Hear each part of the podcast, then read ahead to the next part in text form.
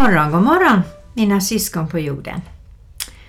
Ja, idag är det Kristen närradio och det här är Marie-Louise Jensen som vill ge en andakt till dig som en present.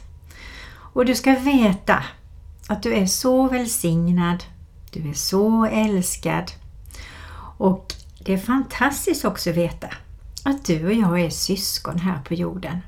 För vi har en underbar skapare som har skapat dig och mig och alla runt omkring oss. Och denna benådade dag tillhör dig och mig. Och idag när jag förbereder denna stund för dig så känner jag återigen en stor, stor tacksamhet att ha fått en dag till. Solen lyser, allt är nytvättat, jag är nyduschad inuti och utanpå och allt är så fint och så rent och Herren ger oss gåvor hela tiden att gjuta av. Så därför vill jag återigen ta fram ett ljus och tända det för vår skapare och Herre och Räddare Jesus Kristus, Guds son. Och vi knäpper våra händer. Herre, vi vill tacka dig från våra hjärtan, från djupet av våra hjärtan. Att vi får finnas, att vi får ha dig i våra hjärtan, men också att luta oss emot i alla lägen. Tack att du har en öppen famn för oss. Och tack att vi aldrig behöver känna oss ensamma. För vi har dig. Varje dag, varje stund och du sviker oss aldrig. Amen.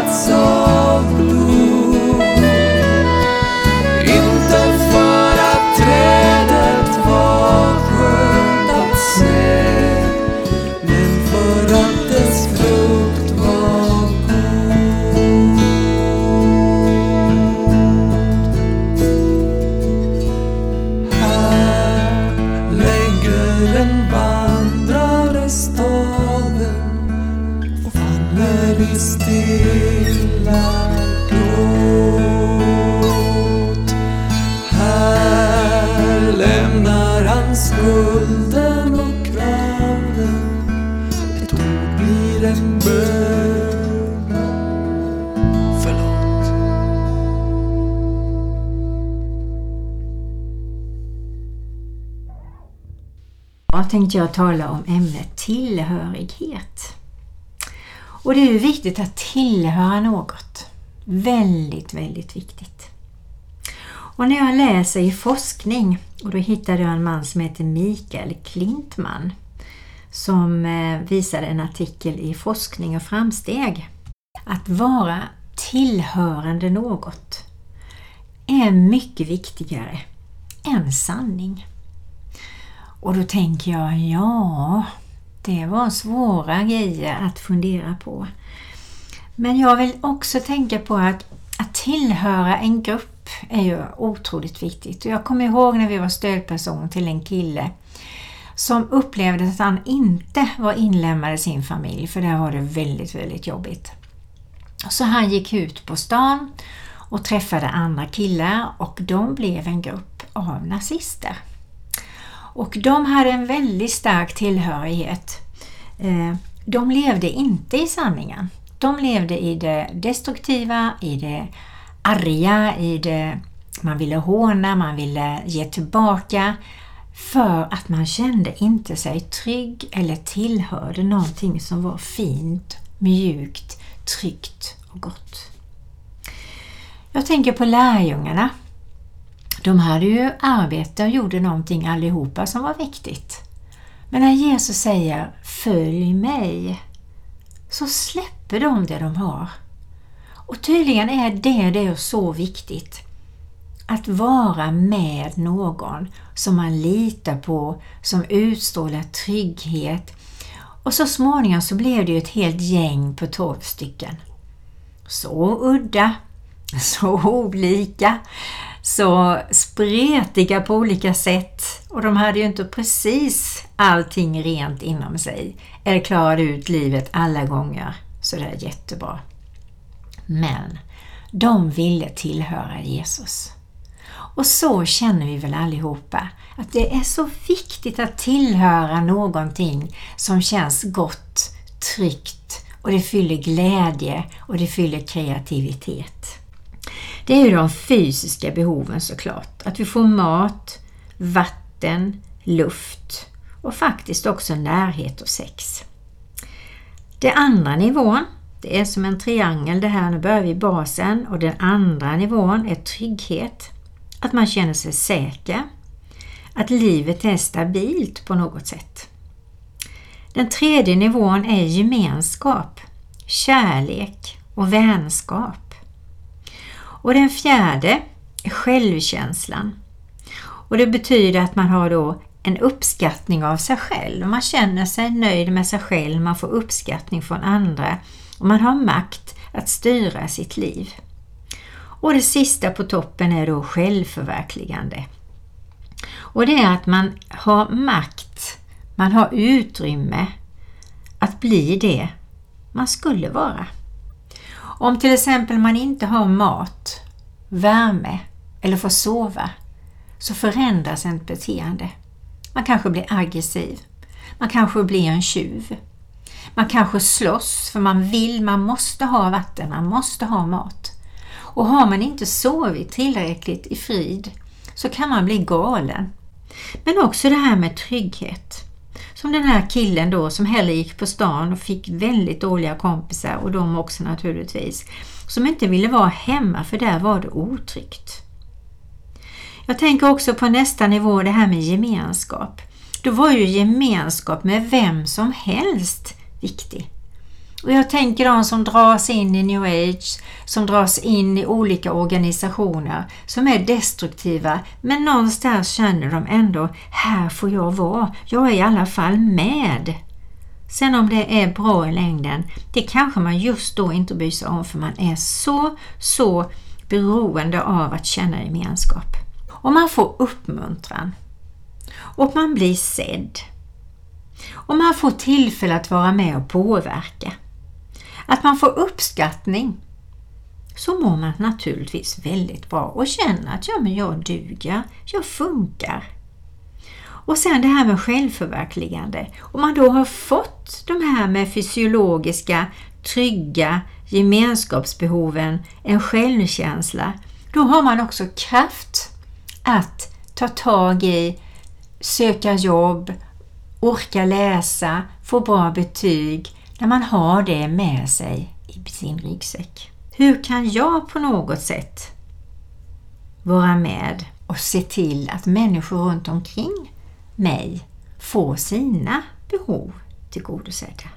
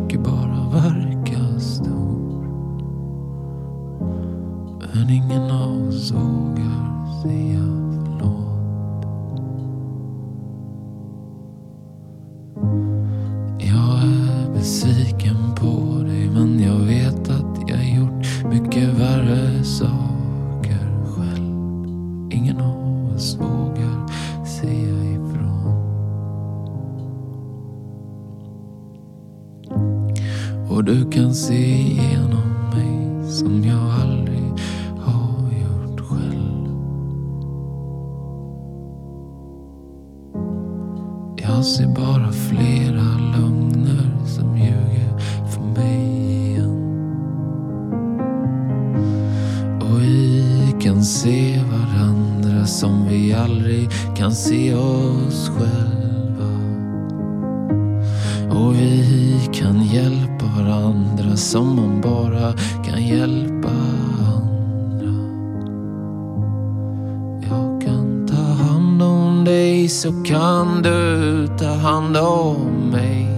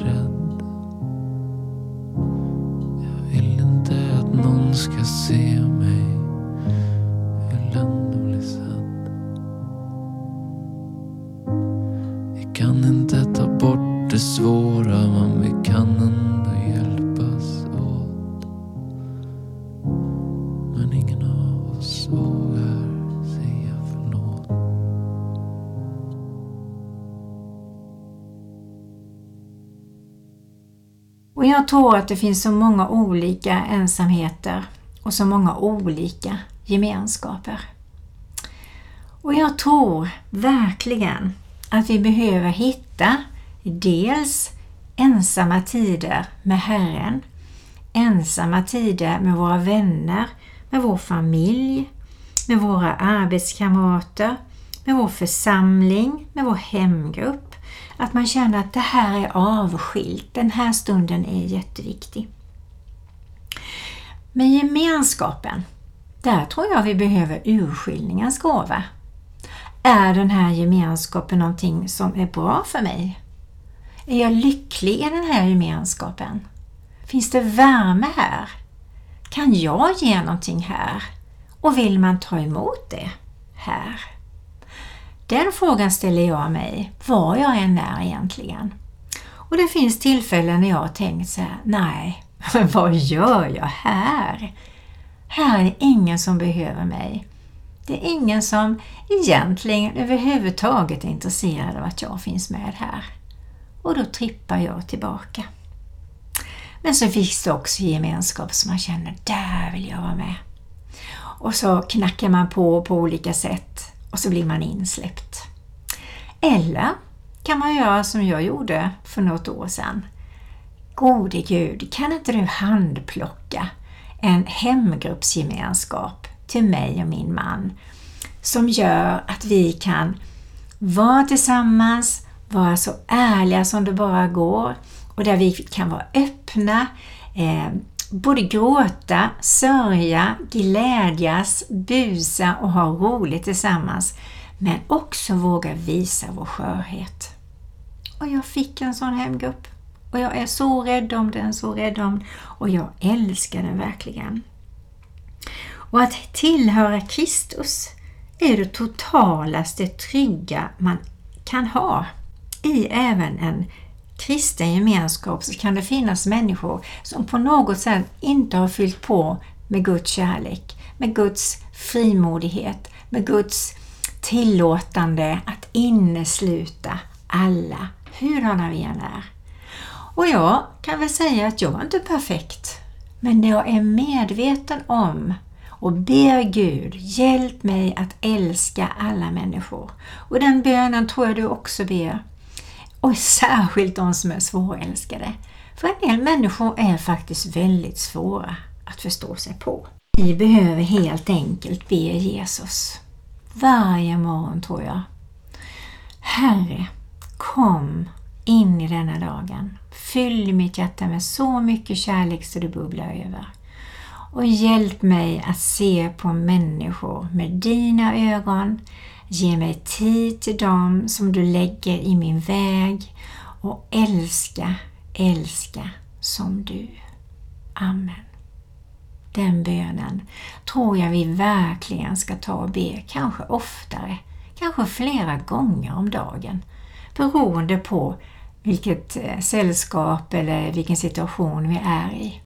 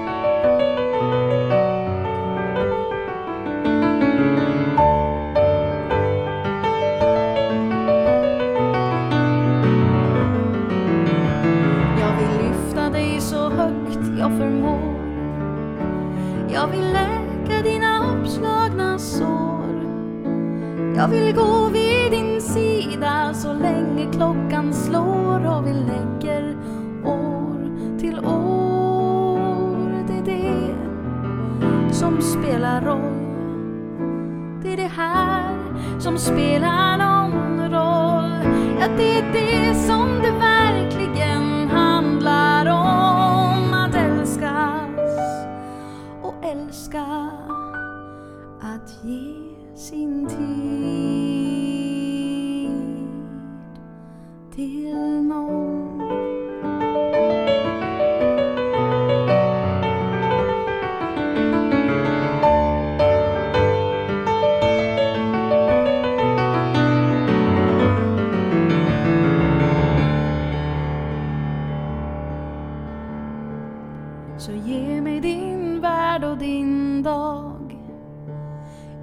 Lyssna till dina hjärteslag.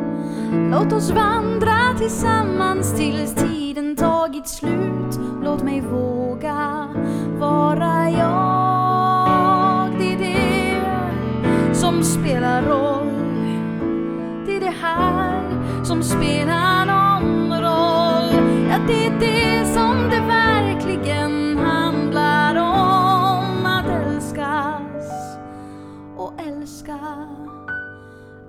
ge sin tid till någon.